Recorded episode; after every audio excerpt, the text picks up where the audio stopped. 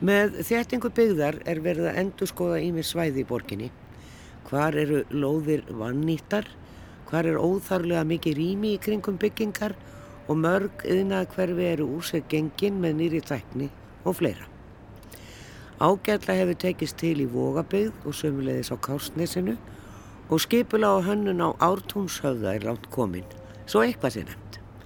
Við ætlum hins vegar að beina augum okkar að skeifunni, svæði sem er algjörlega skipulagt með engabílinn í fyrirrúmi, þó svo að gatnakerfi þar sé bara alls ekki gott. Við lítum aðeins sjö ár tilbaka hér síðar í þættunum og göngum með þeim byrni Teitsinni sem þá var nefn í menningafræðum og starfa nú hjá Skipilagstofnun og Jóni Davíð Áskersinni arkitekt og setjum svo yfir kaffibodla með Sigrunu Hönnu Þorgrimsdóttur þjóðfræðingi. Við rættum möguleika í breytri skífu, þetta var árið 2015. Eftir þessi sjö ár er loks byrjað að byggja íbúðarhúsnaði í skeifinni og það bara nokkuð vel í lagt með fjölda íbúða. Guðmundur Gunnlaugsson arkitekt og Ellert Hreinsson arkitekt hjá teknistofinni Arkhús hafa veg og vanda af hönnun þessara bygginga og við byrjum hjá þeim á Stórhauða í Reykjavík. Þeir hlustendur sem fylgjast vel með flakkinu heyrðu kannski í síðasta þætti að það var aðeins minnst á skeifuna. Og e, skeifan er einn undarlegasti staðin í Reykjavík. Þeir eru nú nokkrir en það er sérstaklega mikil vandraði einhvern veginn að endur skipulegja skeifuna. Það er samt byrjað þarna og sjálfsagt hefur fólk tekið eftir því að það er búið að byggja háhísi við grænsásvegin og e, þetta er heljarinnar komplex sem er, vera, er að rýsa þarna. Hundra á eitthvað íbúður við komumst að því. Guðmundur Gunnlaugsson og Ellert Hreinsson, arkitektar á stofinni Arkhús. Hér á Stórhöfða eru að vinna þetta verk og það er byrjað að byggja þetta. Það var batterið hins vegar sem að deiliskipulaði þennan reynd og þið svona lendu strax guðmyndur í smá vandraðum því að þarna var búið að, búið að gera bílakjallarar bara fyrsta, það er reyndar alltaf fyrst gert, það er ekki það en, en, en þarna var bílakjallari til staðar á húsi sem að síðan var yfir Þetta var heilmikil áskorun og mjög spennandi. Það er endar góðvinni minn sem ég vunni við fyrir áður, e, Jón Stór Hjaldarsson hjá miðinni sem hafði kipt þessa lóð af verkfræðstofunni mannvitt. Vissulega stóð á sínum tíma eins og flesti muna, orkuveitan var það, í heitaveitan var þarna með, með aðalstöðar, svo var það e, höfustöðar mannvitt sem ára bíl og þeir ætluðu sér að byggja upp nýjar e, höfustöðar og gerðu þá á þessum árum sem voru þarna fyrir hrun, gerðu gríðarlega stóran bílakjallari sem gekk þrjár hæðir nýri jörðina. Og það var það sem blasti við, það var komið deiliskipulag sem að kollegi okkar í batterínu, Sigur Einarsson hefði gert að það gerði ráð fyrir húsum 187 íbúðum og bílakjallara með 181 stæði neðjarðar sem á að samnýtast. Hann er ekki seldur, það fylgja ekki bílastæði íbúðunum, heldur er það leigufélag eða rekstraðali sem sér um reksturinn og fólk getur leikt sér stæði bara með appi sem er mjög þægilegt. Og þannig að samnýtingin algjör. Af því á fyrstu hæðunum eru sem er mjög skinsamt á þessu góða svæði, það eru aðdun eignir þannig að þessi bílastæði munum notast íbúum á kvöldin en á daginn getur hún notast e, bæðir ekstra aðlum og, og, og viðskiptavinum e, fyrstuhæðar sem og það er við endan út að Suðurlandsbraut, þar er ásýnt húsins öðruvísi, þar er glerhjúpur og þar er skrifstofubygging á sjöhæðum Já. og hvernig mjög nöðsynlegt að brjóta upp ásýnt þessa byggingamassa bæði með e, uppróti, litum, útbyggingum en að líka hluti þess yrði sem skrifstofubygging og kallast á við hús glæsibæður og hreyfingar. Ellert, það er eh, að mér skilst svolítið þín hugmynd að þessi, þessi rúnuðu horn Já, eða þessi rúnuðu horn eh, koma svo sem upprunlega úr deili skipulæginu. Það var búið að gefa okkur þennan reyt upphæði verkefninsins frá deili skipulæginu hjá batterínu og við fylgdum því formi í rauninni. Og og það var, já, svona viss uh, svona huga leikvimi að láta þetta allt gangu upp vegna þess að þessi form eru kannski ekki beint svo sem auðveld að leysa. Og, og en, en við erum mjög ánægði með hvernig niðurstaðan er. Eh, lóðin er í sjálfu sér svolítið undarlið í læginu því að hinum megin er þetta bara alveg í hotn, bara hreinlega, sem er ekki byrjað á núna. Nei, hún, hún kemur, það er svona viss svona spís sem kemur á hún á norðamegin og, og, og eru þessi húskroppar að fylgja gatnakerfuna, nærlegjandi gatnakerfi. Þannig að það er það sem þessi húskroppar, húskroppar hafa verið að fylgja. En, en það eru sérst 187 íbúðir, já. Já, það er ekkert smá. Þetta er bara heilt bæjarfélag þarna inn í. Það er náttúrulega mjög mikið blöndun af íbúðum. Það eru þarna allt niður í stúdíóíbúðir eins og við fylgdum eftir alveg kröfum skipulagsins sem segir nákvæmlega til um fjölda íbúða sem eru tveggjaherbyggja, þryggjaherbyggja, fjaraherbyggja, jafnvel nokkrar fimmherbyggja og svo áttu líka að vera stúdíuíbúður. Þannig að við fylgdum nákvæmlega eftir þessu, þetta er bara kóti sem okkur er gefin upp og líka að þetta er ákveður hlutfall félagslegar íbúða sem er þá bara blandast inn á milli og verða ganga yfir til félagsbústaða eða í leigumarkað, leigufélaga.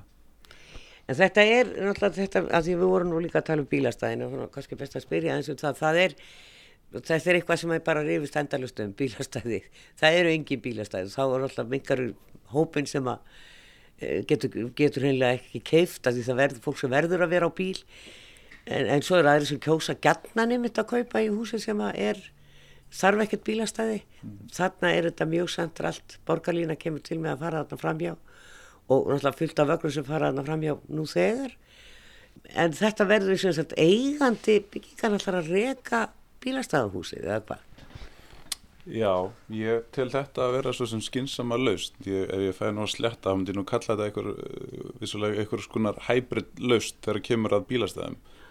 Þetta er mjög miðsæðis, þetta er borgarskipulag og eins og nefnir að öll, þessi helsta þjónusta er í nær umhverfinu, fólk getur sótt þar og það er okkar samfélagslega ábyrða í svona stórum byggingumassa að reyna að draga að sem mest fjölbertan hóp að fólki þarna inn og þannig að ég tala til að það hafi verið skynsanlegt að þarna verið fyrirtæki sem mun reka bílakjallaran algjörlega sjálfstætt. Þannig að íbúar eiga þann möguleika og að leia sér bara stæði eh, eins og það að henda þeim. Og þar að leiðandi dregst sá kostnaður af íbúðaverði að fólk þarf ekki að leggja út þennan pening fyrir þetta bílastæði sem að kosta sitt inn í svona bílakjallara og þetta er náttúrulega mjög heppilegt fyrir fólk sem að þarfir en ekki á þessu að halda og, og þessi staðsending býður upp á það að fólk þarf ekkit endilega að eiga bíl ef það kýs það eða kýs. Það er að fá allt í skefinu sem að vandar til heimilisins.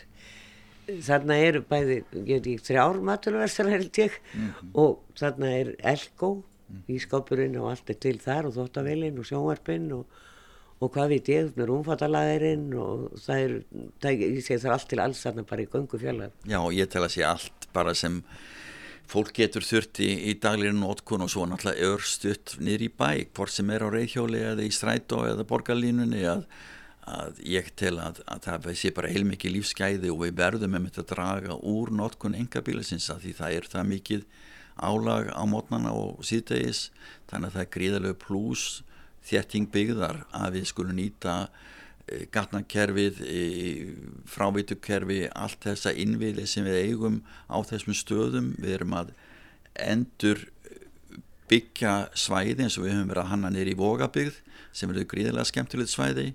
Við erum að tekna núna 125 íbúður upp á Eirhöfða og það veit allir hvernig höfðin lítur út í dag. Þetta er gamalt yðnaðasvæði sem er afskaplega lúið úr sig gengið. Þarna er stórkostlegt útsýni. Þannig að við erum bara mjög spenntir fyrir þessari þéttingu. Við þurfum bara alltaf að muna bæði arkitektar, fjárfestar og skipulashundar að við erum á norrlegum slóðum. Við höfum ekki byggja ofhátt, við höfum ekki byggja of þétt.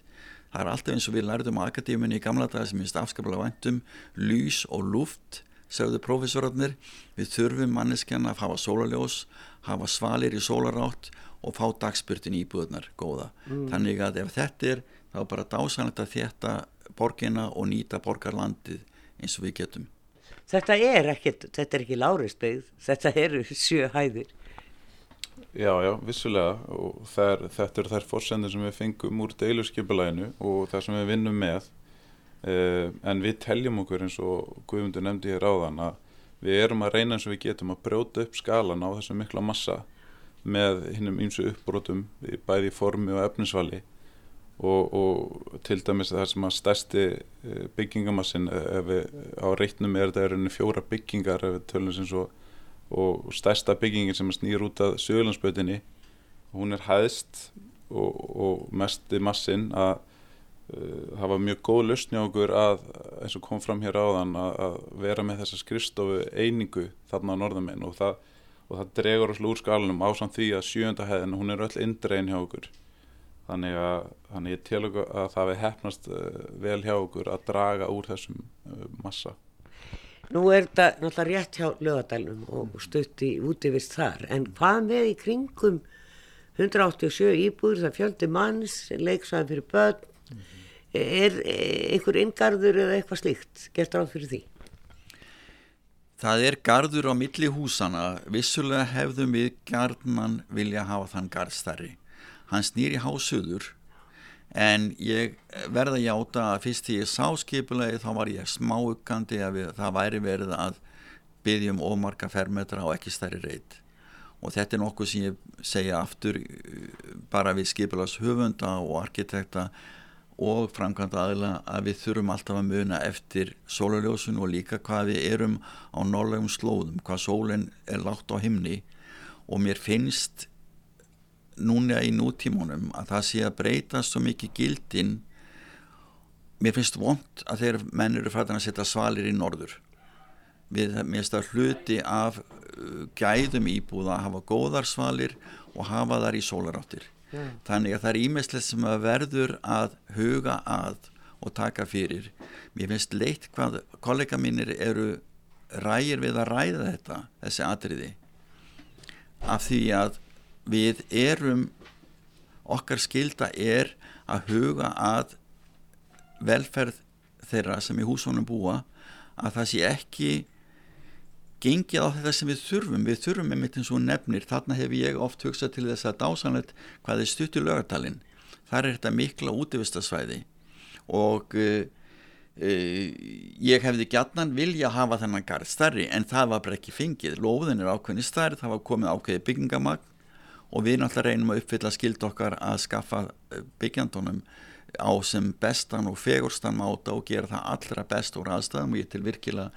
að við getum verið stoltir af þessum húsum þegar þau verða komin upp yeah. það er eitt húsið þegar komið og ég er afskaplega ánæg með það það er eh, uppbroti í litum og formum og, og, og, og gladvært það er sem við þurfum líka að hafa í okkar myrkri sem er á vetuna, það er bjartir litir þannig að við reynum ætið að gera okkar besta sem fagmenn. Nú eru arkitektarnir, einmitt svo við tökum það aðeins uppast, þú ert nú að tala um þetta, arkitektarnir eru oft gerðnan skammaðir fyrir hæð húsa. Það er ráðist á þá, akkur gerður þetta svona, mm -hmm. en það er náttúrulega, verkefnið er ykkar samkvæmt deiliskipulagi og framkvæmdaraðila.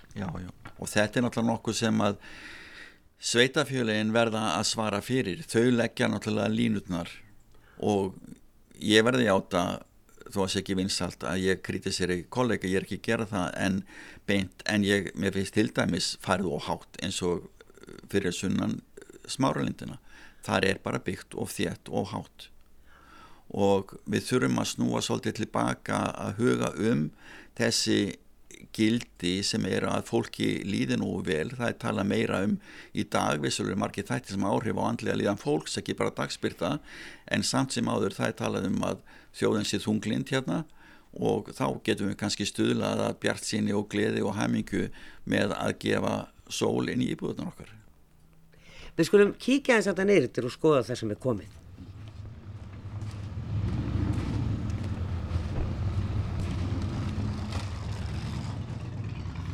Við býðum aðeins með það og hverjum sjö ára aftur í tíman. Hægbreytileg átt var fyrirbæri sem beindi augum að nokkrum hverfum í borginni sem ætti vel endur skoða og þróa. Það hefur eiginlega ekkert breyst í skeifinu á þessum sjö árum nema þá þarna á grænsásveginum Við tökum gangutúr með þeim Byrni Teitsinni og Jóni Davíð Áskersinni og bregðum okkur svo í kaffi með Sigrunu Hannu Þorgrimsdóttur. En heyrum fyrst af hægri breytilegri átt.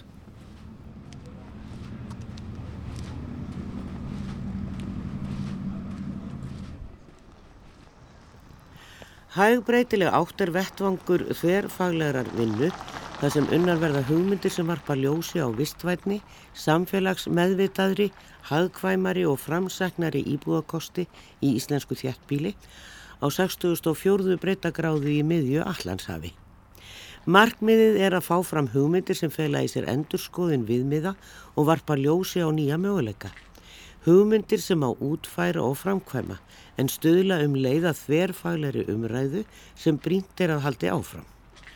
Áhæsla verður lögð á samfélagslega afstöðu, frjálst og óhefðbundið hugmyndaflæði, hugmyndafræðilegan og arkitektóniskan styrk, vistvæna og byggingartaknilega framsækni, þjætt byggðaminstur, góða nýtingu á byggðum fermetrum og síðast en ekki síst vinnu með staðaranda og mótun úti sem innirýma utan um daglegt líf íbúa í nýjum íbúagerðum fyrir fjölbreytt fjölskyldumistur.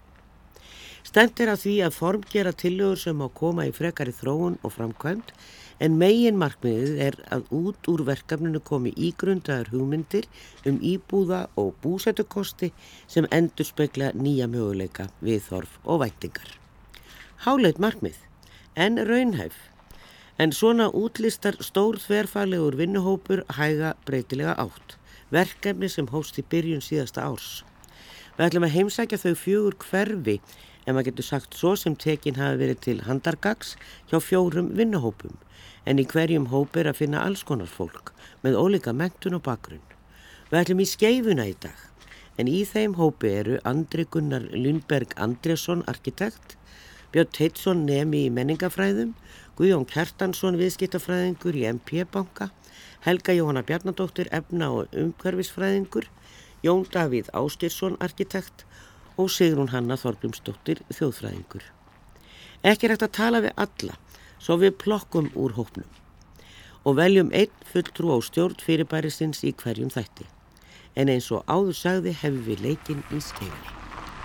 Já, svona tilhjóksunin í dag að búa í skeifunni er kannski ekki mjög frínileg sem að kemur hérna. Það þetta er ekkert um að svona einhverja stórar skemmur og ofsalega mikið að skrítnum gödum, erfitt að keira hérna, eh, bílastæði út um allt, það eru menn að bakka inn og út og koma út úr allavega skotum. Þannig að þetta er ekki svona spennandi og maður einhvern veginn sér ekki fyrir sér að það getur verið gaman að búa í þessu hverfi. En þetta er nú það sem þessi hópar er að gera í, í hægri breytilegri átt, að skoða möguleikana og kannski út fyrir bóksið og, og það þarf kannski ekkert að gera neitt voðalega mikið til að, að breyta þessu. Og svo þurfa eh, borgarbúar og íslendingar bara almennt held ég að hugsa um að þeir hafi tvær fætur og það er hægt að hreyfa sig á þess að fara í bílnum alveg upp að dyrum. En hingað eru nú að vanir að koma á bílnum sínum og hér eru náttúrulega bara bílar og fáir gangandi. En það er eitt og annað hérna, mjög spennandi. Og þetta er blómlegt vestlunarkvarfi og fjölbreyttar vestlanir þannig að, og alls ekki langt á milli. Þannig að ef það haldið er í þær og bætt við íbúðabygg, þá er þetta nú kannski bara doldið spennandi svæði. Þegar það lappa með mér hérna, Jón Davíð Áskersson, arkitekt, og Björn Teitsson sem er eh, með MA í menning svona er þetta, sem er með Emma í menningamilun og master í menningamilun og, og er upplýsingafulltrúi hjá Rauðakrossinum í dag. En það er fjöldin allir í þessum hópi eins og búið að koma fram og við erum svona að tjekka á nokkrum innan hópsins. En eh, kannski fyrst við arkitektin, sko þú horfir hérna á þessa, þetta er náttúrulega sem arkitektur er þetta bara rosalega óspennandi eitthvað. Við erum með hraðbröð hérna fyrir endan og við erum með bílana hérna flautandi og keirandi fram og tilbaka og og svo er þetta bara þessar skemmur. Þetta er, þetta er bara eitthvað svo ljótt. Já, það má kannski segja að þetta sé svona við fyrstu sín svolítið uh, ljótt á að sjá. En það er uh, mikið sem er hægt að miklu möguleikar til dæmis í þessum skemmum. Þetta eru fyrst og fremst er þetta mjög sveianlega byggingar. Sem gerir það verkum að það geta tekið við uh, fjölbreyttir vestlun og þjónustu og, og eru mjög breytilegar eftir þörfum. Þetta hverfi var náttúrulega fyrst og fremst yðnaðarkverfi og skip, skipulagt sem slíkt og, og þróast yfir úr, úr því að verða yðnaðarkverfi yfir í vestunarkverfi og, og, og það er þessi, þessi, þessi, þetta rými sem er á milli bygginga og við byggingar er, er rosalega mikið af svæði og þetta er illa nýtt svæði. Þannig að, að, að við sjáum fyrir okkur að hérna væri hægt að, að þjætta vel við til dæmis eins og skemmur og, og, og nýta það sem hægt er að nýta fyrst og fremst. Og það er hægt að hugsa sér að fyrst, í fyrstu skrefum var hægt að hugsa sér að það veri sagt, tekið vel til í gatnakerfinu og uh, fá meiri svona lógik í það, það er náttúrulega eins og þú sagðir á hann, er, hún er ekki til staðar þessi lógik, er, þetta er bara bílastæði og, og götur einhvern veginn.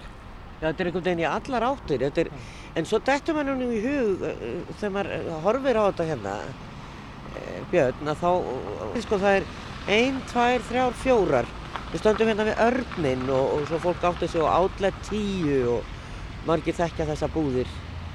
Og uh, svo stendur hérna mentaskóli við sund, já, hérna, þeir eru með kænslistofur hérna kannski uppi. Uh, og hraðbrautin hún var hérna og ekki veitur nú hvort hún er enn starfandi. Þannig að hér er líka skóli en þessi lofti mitt að því að nú eru verslanirnar hérna niðri og, og, og þær eru nú yfirlt ekki á tveimur hæðum þannig að uh, er hægt að vera, hugsa þetta til dæmis sem einhvers konar íbúðar lokal á efri hæðunum svona New York loft Þetta fengið stórt rými. Já, eins og Jón Dæði kom inn á, þá eru þessar byggingar hafa þann kosta, þar eru mjög sveigjanlegar. Við höfum séð fyrir okkur að hér verður einu blöndu byggð og meðal annars væri hægt að nýta mikið af þessum byggingum um, í íbúðarhúsnaði. En svo náttúrulega leggjum við ekki síður áherslu á að búa til blómlegt umhverfi sem fólk vill búa í og það væri þá jafnvel hægt að hafa einhvers konar ívilnanir til þess að greiða fyrir uh, segjum til dæmis börum eða kaffihúsum, leikhúsum, uh, kvikmyndahúsum eða einhvers konar annar, annars konar menningarstarfsemi sem laðar að fólk til að vilja búa í hverju, hverju sem þessu. En þá náttúrulega fyrsta skrefið er, uh, að, eins og við komum inn á, er að hérna, greiða úr þessari umferðarflækju og endur skilgreina umferðarkerfið hérna Ma maður sér það ekki fljótu bræði en það er ánþá öruglega hægt. Þetta er eh, ábyggilega, ég held ég að hverki séð í bænum eins mikið að bílastæðum. Það er alveg sama hvað maður kemur hér við hús.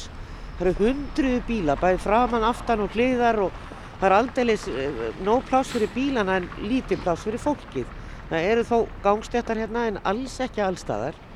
Og hér er smá trjágróður, við erum að koma hérna bak við Café Milano og þar eru auðvitað bílastæði líka allavega í miðjunni og upp við húsin. Það er sem sagt alltaf hægt að fá stæði í skeifunni, get ég mynda mér. En hérna til dæmis, Jón, Já. sko nú erum við svona í bakgarði Já. og maður einhvern veginn hugsaður, þetta væri náttúrulega bara brilljant svæði að vera með eitthvað annað en bílastæði og það er mögulega hægt að byggja hérna íbúarhús á þessu plani eða bara hérna hafa einhvern garð hérna. Algjörlega, þetta likur alveg bara beint við að hérna verði bara mjög græn og, og uh, líflegur garður í framtíðinni. Og hérna getum við séð til dæmis þessi hús sem eru hérna á milli, þetta eru bara ágætis uh, hús þannig, þetta eru, eru vel byggð og, og, og hérna til dæmis á, á baku okkur er, er uh, hús eftir Manfred Viljánsson, Epal húsið sem er svona svolítið svona típist uh, stálgrindarhús sem er mjög sveianlegt og þarna til dæmis vilja, þessa hluti viljum við haldi í.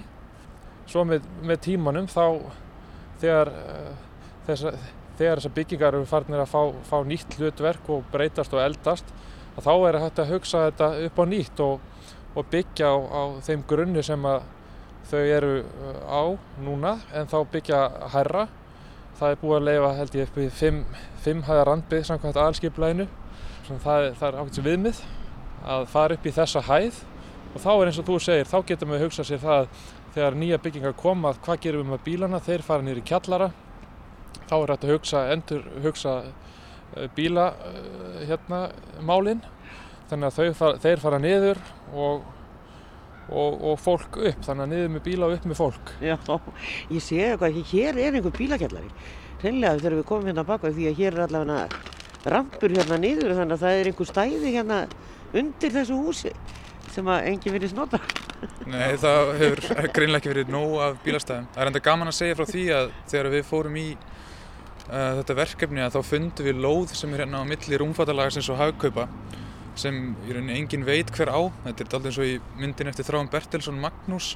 Það er svona tí tínt einhvern veginn hérna afsalið af lóð Já, en við komum svo að því að hún átti að vera notuð uh, fyrir 12 hæða bílahús um, sem var mjög aðtilsverð pæling og einhverju tímpunkti þá fannst okkur reyndar að væri bara alltaf sniðut að byggja þetta hús og það væri þá alltaf svona leggsteinn fyrir hérna gamla bílamenningu reykvíkinga Já, og nákvæmlega. væri svona alltaf spauileg svona til lengri tíma litið. Við skulum fara hérna af baklóðinu og fara hérna aftur framferir en, en á því hún myndist á það Jónum eitt að þessi hús hérna sem er gæta kallu bláu húsin hérna í skeifunni að það er svona aðeins meiri arkitektúr heldur en þessar skemmur og þau eru steiftu upp en eh, skemmurnar eru einhvern veginn svona stálgrindar byggingar og sem að mann finnst geta verið byggðar bara á einni viku og tekna niður sömulegðis á, á einni viku en e, það er náttúrulega líka hægt sko að vissuleiti að breyta þessum húsum í, bara reynilega í íbúðir hvað segir það Jón? Já, akkurat. Þegar nefnir bláu húsin, Já, þannig að þá, þá eru þau til dæmis mjög vel til þess fallin að breyta þeim mjög, á mjög einfaldan hátt íbúðir. Það þarf, það þarf vola lítið til að, að það sé hægt og, og þá getum við hugsa, hugsa sér að þarna veri hægt að bæta við þessi hús, tengja þau saman. Það væri jafnvel hægt að byggja hæðu ofan á og þar eftir guttunum.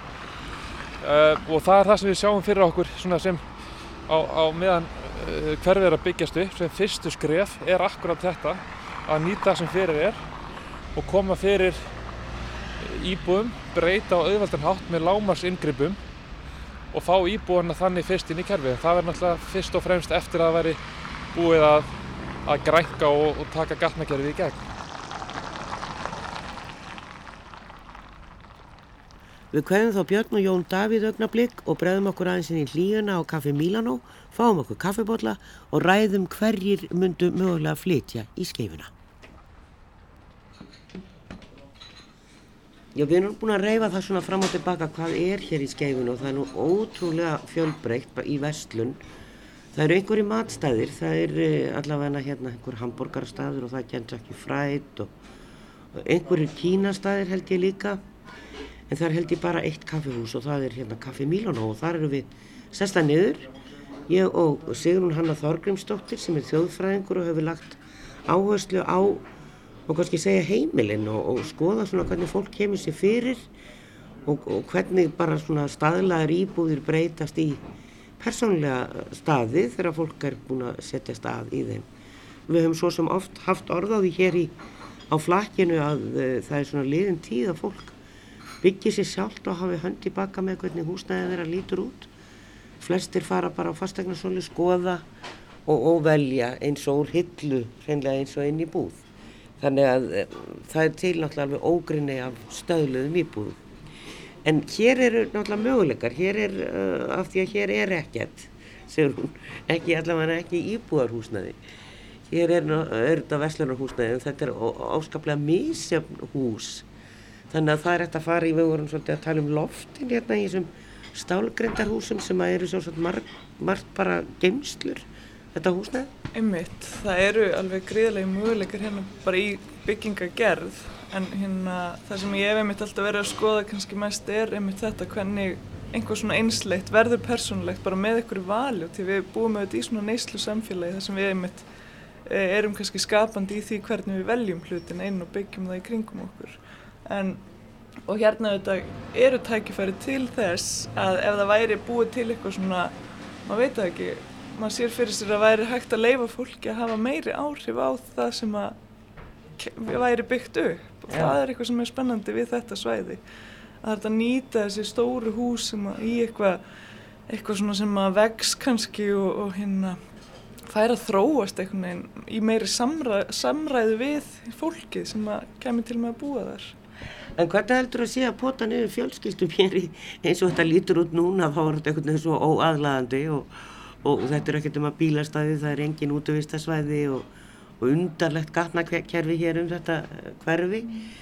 Það er náttúrulega, þarf að breyta fyrst.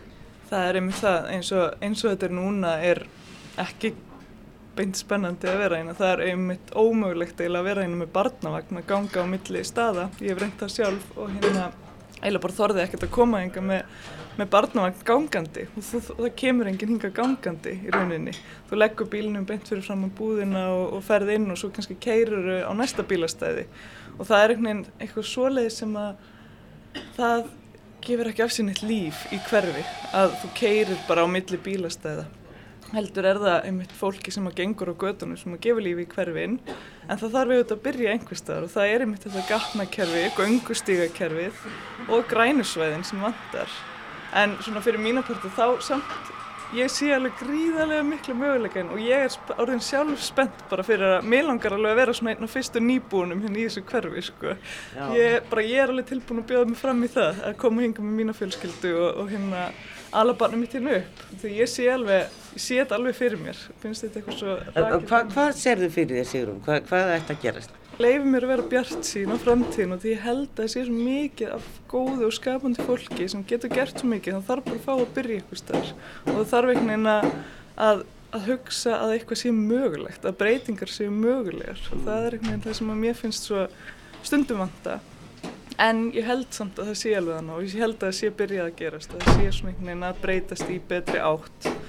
Ég bara fara í mannlegri átt. Já, skilji Ég finn svolítið fyrir því að þið þín kynslu, þið talir svolítið um að, að, að, að það kannski er ekki áhuga á því að eiga einbillishúsi í aðri borgarinnar heldur að búa í einhverjum kjarnar að vera það sem að fólkið er og, og að það þurfi ekki að fara á bíl í, í sagt, allt sem maður þarf að segja. Já, og það er einmitt hérna, það er líka bara fórsönda fyrir því að við lifum umhverfisvætna lífi, að við þurfum ekki að keira langar vegalengdur á milli, bara vinnustæðar og heimilis og svo að fara í búðina og allt þetta. Það er einmitt það sem við höfum sé líka fyrir okkur hér, að þetta algjörlega býður upp á það að vera umhverfisvænt hverfi þar sem að fólk getur gengið á milli staða. Hérna er þjónustan til staðar og hérna eru vinnustæðir. Það vantar bara íbúðunar og húsin og, og svona mannlífið í rauninni. Breytingar eru alltaf erfiðar og það eru alltaf erfiðar fyrir einmitt þennan hóp sem er orðin vanur ykkur. Þannig einhvern veginn uh, maður verður svo hérna samdöina því sem maður er að gera bara frá degi til dags. Og það er einmitt það sem ég hef lagt áherslu á í mínum rannsóknum svona, er einmitt að skoða hverstagsleikan því að það er þar líka sem að breytingarnar gerast. Það er í þessu smáa það er í því, bara því kannski að breyta því, breyta gafnakerfinu eða breyta hérna bæta við hjólaleiðum. Þá eru við að búa til umhverfi sem að ný kynslu vexu upp í. Og þannig gerast einhvern veginn breytingur það, er gerast kannski getum ekki alveg þó maður vildi að það myndi bara gerast svona við smellum fingri og það breytist allt til hins betra mm. þá þarf þetta einhvern veginn að gerast hægt og rólega og fólk þarf að svona aðlagast hlutunum mér finnst margt vera að breytast og mér finnst vera að breytast bara mikið í því bara eins og uh, hvernig bara ef maður horfir á aðalskipulegi þá er þessar áherslur komnar og það þarf kannski bara smá tíma til þess að komast áfram og kannski eitthvað eitthvað að mætti alveg vera meira kannski svona radikal, ég veit það ekki það Já. þurfti kannski eitthvað svona róttækar breytingar til að koma eitthvað í gang sko. Nú eru þið búin að vera í, með uh, þetta prósekt hægbreytilega átt í svolítinn tíma mm. þetta er orðið rúmlega áskamalt og nú orðlega, gerðist það hér að það branni hér inn á miðum svæðinu þannig að það var kannski engin að hugsa um að hér eru byggðar íbúðir nema út af því að þetta gerðist allt í nú beindust augun að þessum punkti. Sem er ákvæmlega þjættur og, og, og náttúrulega ótrúlega fjölbreytt vestlun mm. á því leiti að það er náttúrulega draumur að flytja hennin að þú býr bara í kringlun eila þú þarf að koma íbúður hennin heldur að þessi vilja fyrir því að taka til til ykkar hugmyndu þegar að, að því kemur að, að skipulegja hér? Já, ég hugsa það að við höfum alveg fundið fyrir áhuga og vilja og það er svona, en það auðvitað stoppar því alltaf, þetta er alltaf svo, allt svo flókið. Og, og sérstaklega hér að það er alls, það er margir sem að eiga svæðin eða jarðinar sem ja, eru hérna. Ja. þannig að þetta verður alltaf ótrúlega flókið en maður vonar bara kannski að við höfum náðu að draga fram einhverja sín á þetta væri allavega möguleiki að það sé einhvers konar hérna og við erum bara leiðum, leiðum að kemur fram með einhverju hugmynd það er maður kannski búið til fleiri hugmyndir hjá okkur um öðrum og maður vonar það að þetta sé svona einhver fræ sem maður hefur kannski náða nær kannski einhvern veginn að blómstra sko. Við sjáum allar að möguleikana og eftir að ég hef gengið hér um með ykkur og, og heyrt ykkar hugmyndir þá, þá kveiknaði smá hugmynd í hausnum á mér. Emmitt, ég hérna, já eins og ég segi, ég er oft svona að vonast til þess að einhver, ég kannski er ekki verktaki sjálf eða eitthvað en maður sér fullt af tómum húsum hérna við grensasvegin og svona. Og maður, ég er ofta vonast til þess að einhver takir sér til og, og bara vilji leia mér hérna eitthvað svona loft eða eitthvað svona litla íbúð. Þá er ég tilbúin að flytja einhver strax sko. Og það byrja bara. Að hérna, já.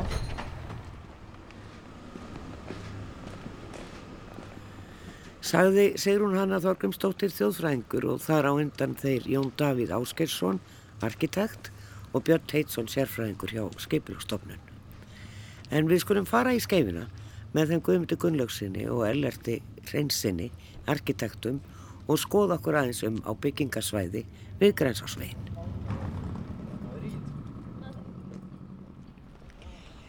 Já, þá erum við komin hérna nýri í skeifu eða, já, eiginlega við grænsásveginn en það er hluti af skeifinu einhvern veginn. E, fyrirtæki hér út um allt bæði á grænsásveginnum og hér náttúrulega í skeifinu eins og fólk veit, það er ekki margir sem búa hér. Nema þeir sem eru fluttir inn í þetta fyrsta hús hérna, þessu nýja kompleksi sem er, ég er alveg steinhissa sjá hér eh, fólk út á svölum og, og það er bara flutt inn í húsi að vera að byggja allt um kring. Og hér er þessi dælustöð, við horfum á hana, var svona einhvern veginn áttar sig ekki alveg á lóðinni því að hér voru náttúrulega byggingar sem það var rifið. Kanski að spyrja, kom aldrei til greina að reyna að endurnýta þau hús, því að nú er verið að tala um þingrásar hagkerfið og við eigum að reyna að, að rýfa sem minnst. Ég er alveg sammálað því að við erum að reyna að gera það ætið og sérstaklega neyri í gamla eh, borgarkjarnunum. En hér var það þannig að húsin stóðu að því tali var það innarlega á lóðinni að það myndi hefta svo mikið í nýtinguna. Þannig að við komum rauninni ekkert að þeirri umræðu. Það var rauninni búið ákveða og festum og sækjum niður á þeim húsum sem voru höfustöðvar hittavitunar áður en við komum á málum. Og ég tel reyndar að þá hefði náttúrulega formið og byggingarmagnið orðið allt öðruvís og minna ef að það hefði reynd að byggja ofan á þau Já. og svo náttúrulega alltaf spurning þegar er byggt svona alltaf sjöhæðir hvort að burðartól þessara gamlu húsa hefðu þólaða en allavega var þetta niðurstöðan eh, Þú Ellert, þetta er svona hönnurinn af þessu húsi allavega. Við erum hérna með rúnaðsvæli, rúnaðhort Það er svolítið eh, verið að kallast á hér með rúnuðum hornum, bæði þann hérna meginn sem og svo húsi sem kemur og snýr út á Söðurlandsbröð. Það verður eh, svona glerhorn, kringló eða rúnað?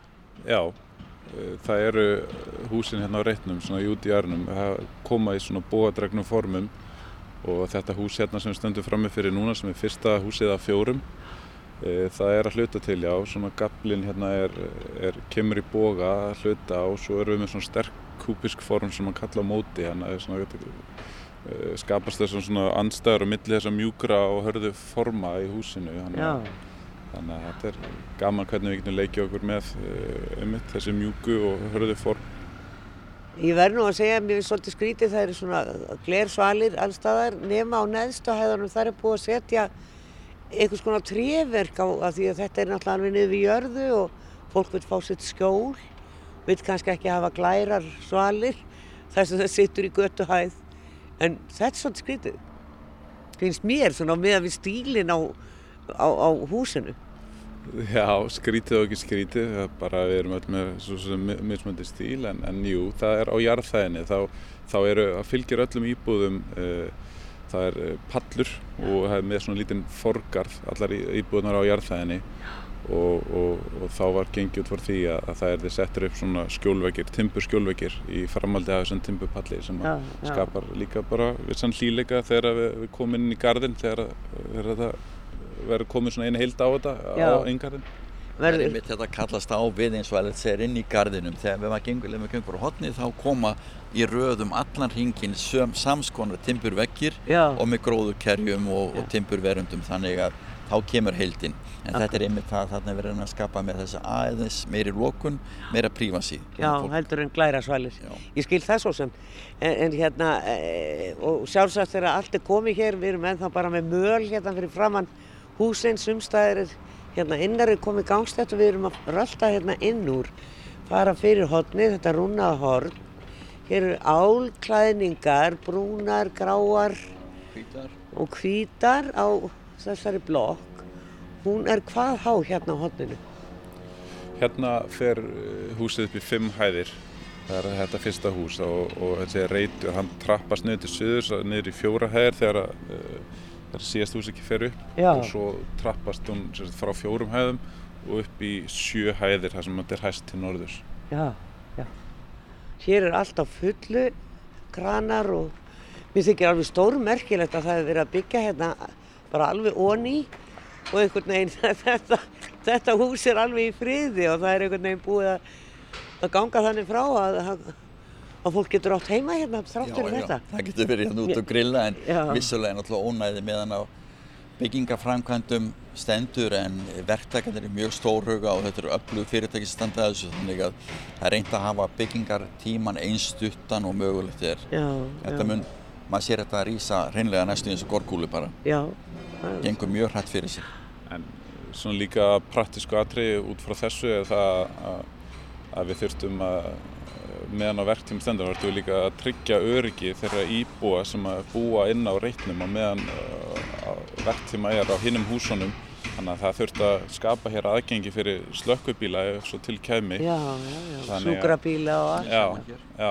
Já, við erum hérna á einlega lítili götu sem er ekki búið að alveg að ganga frá en Nei, nei, þetta en, hérna er bara tímabundi laust á meðan, á meðan að hérna, vera að byggja upp hinn húsin og svo verður þessu svo sem umturna þegar verkið er komið lengra. Þá kemur hættulegt og gróður beð og við höfum haft eins og náttúrulega ber skilta til að skila inn loðartekníku, mjög fær loðarhönnuður sem að tekna hérna allt saman og þannig að gardurinn mun verða grætn og leiktæki og allt mjög dvalasvæði hérna úti. Við erum sem sagt í gardinum? Við erum í gardinum, já. Já, í rauninni. En, en það er, það er farin í bílakjallaran hinum einn, eða hvað, það sem við stóðum aðan? Við sáum það hinum einn frá, já. það er rampurinn utanfrá. Já, það var tengdum, teng, tengdum aðkomari hlýðinni frá skeifunni já, og sá rampur var til staða niður í þann bílakjallara sem að var búið að byggja áður já. sem við tengjum svo. Hér erum við að, að horfa á hús sem er þá viðgræns á sveginn og e, það kemur svona svolítið skáhotn hérna er þetta endurinn á húsinu eða hvað?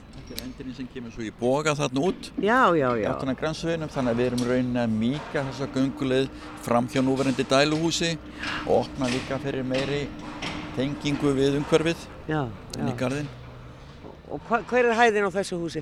Fimm hæðir. Já, fimm hæðir eins og hérna fyrsta húsi sem við byggja hérna já. sem er á móti Akkurat. 187 íbúðir er, þú ert búin að vera að segja mig frá því þið eru að vinna svolítið mikið með svona stóra komplexa, með svona mörgum íbúðum. Já, við höfum verið það gæfið samir að við höfum fengið mjög spennandi verkefni sem eru miklar áskoranir. Við erum, er lungu hættur að telja en þetta er búin orðin gammal arkitekt búin að starfið fæði 40 ár en allir sé ekki búin að tekna svona á þriði eitthvað á þriða þúsund íbúðir. Já. og það er náttúrulega mjög spennandi það sem við erum að gera bæði út í Kársnesi og við byggðum með blund við Nýbilaveg, svo náttúrulega erum við núna með 125 íbúður upp á Eirhöfða, 86 íbúður í, í þarna Bryggjúkvarfi vestur, við erum með 102 íbúður í Hafnarferða ásvöllum þannig að við getum verið afar þakklátur að hafa verið treyst fyrir þessum stóru verkefnum Já. það er mjög spennandi en ég líka með þetta stórkáslega starfsfólk sem vinnur með mér. Já, það kemur hérna og þaðan. Það kemur hérna og þaðan og það er svo gaman að geta fengið bara alltaf nýjasta úr háskólum alheims, heimsins bara því ég er með starfsfólk, hérna Ellert er náttúrulega stýrumæðurinn á þessari skútu sem ég þykist ennþá að skipstjóra á en ég er með starfsfólk frá Ítalíu, frá Íran, frá e, tvo frá Brasilíu og svo er e, afskaplega dugleg kona sem kom í okkar starfslið fyrir einlega tilviljun. Hún er frá Gaza, Palestínu kom sem hælisleitandi og fekk hérna hún hafði gefið ballavón, hafði ekki unni við fæðið tíu ár en hún er allsæl og, og er bara mikill þáttur við erum eins og bara einstór og góð fjölskylda í Já, stofunni. já. Alveg stórmerkjöld að koma frá gas og fyrir að vinna við arkitektur á Íslandi. Það er mikið breyting í, lífi einna konu. Er ekki hægt að segja annað.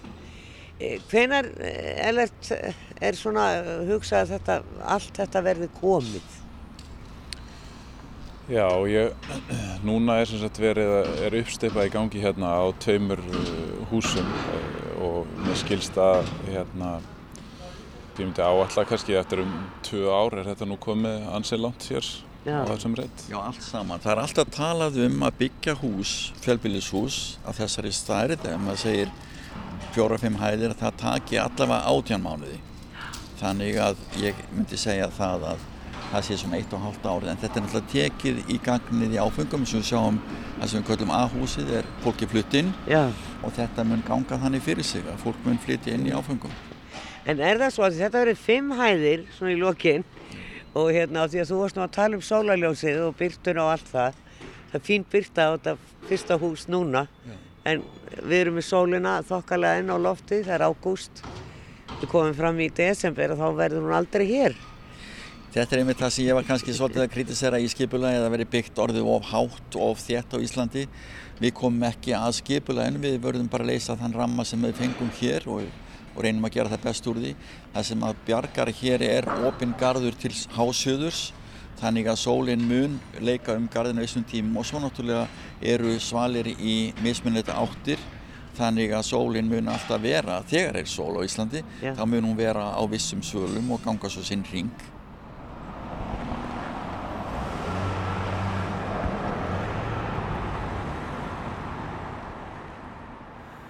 Sagði Guðmundur Gunnlaugsson og með honum Ellert Hreinsson arkitektar. Já, ekki getum við breytt sólarganginum þó við gerðnan vildum, allavega stundum. En við sláum botnin í þetta hér. Verðið sæl.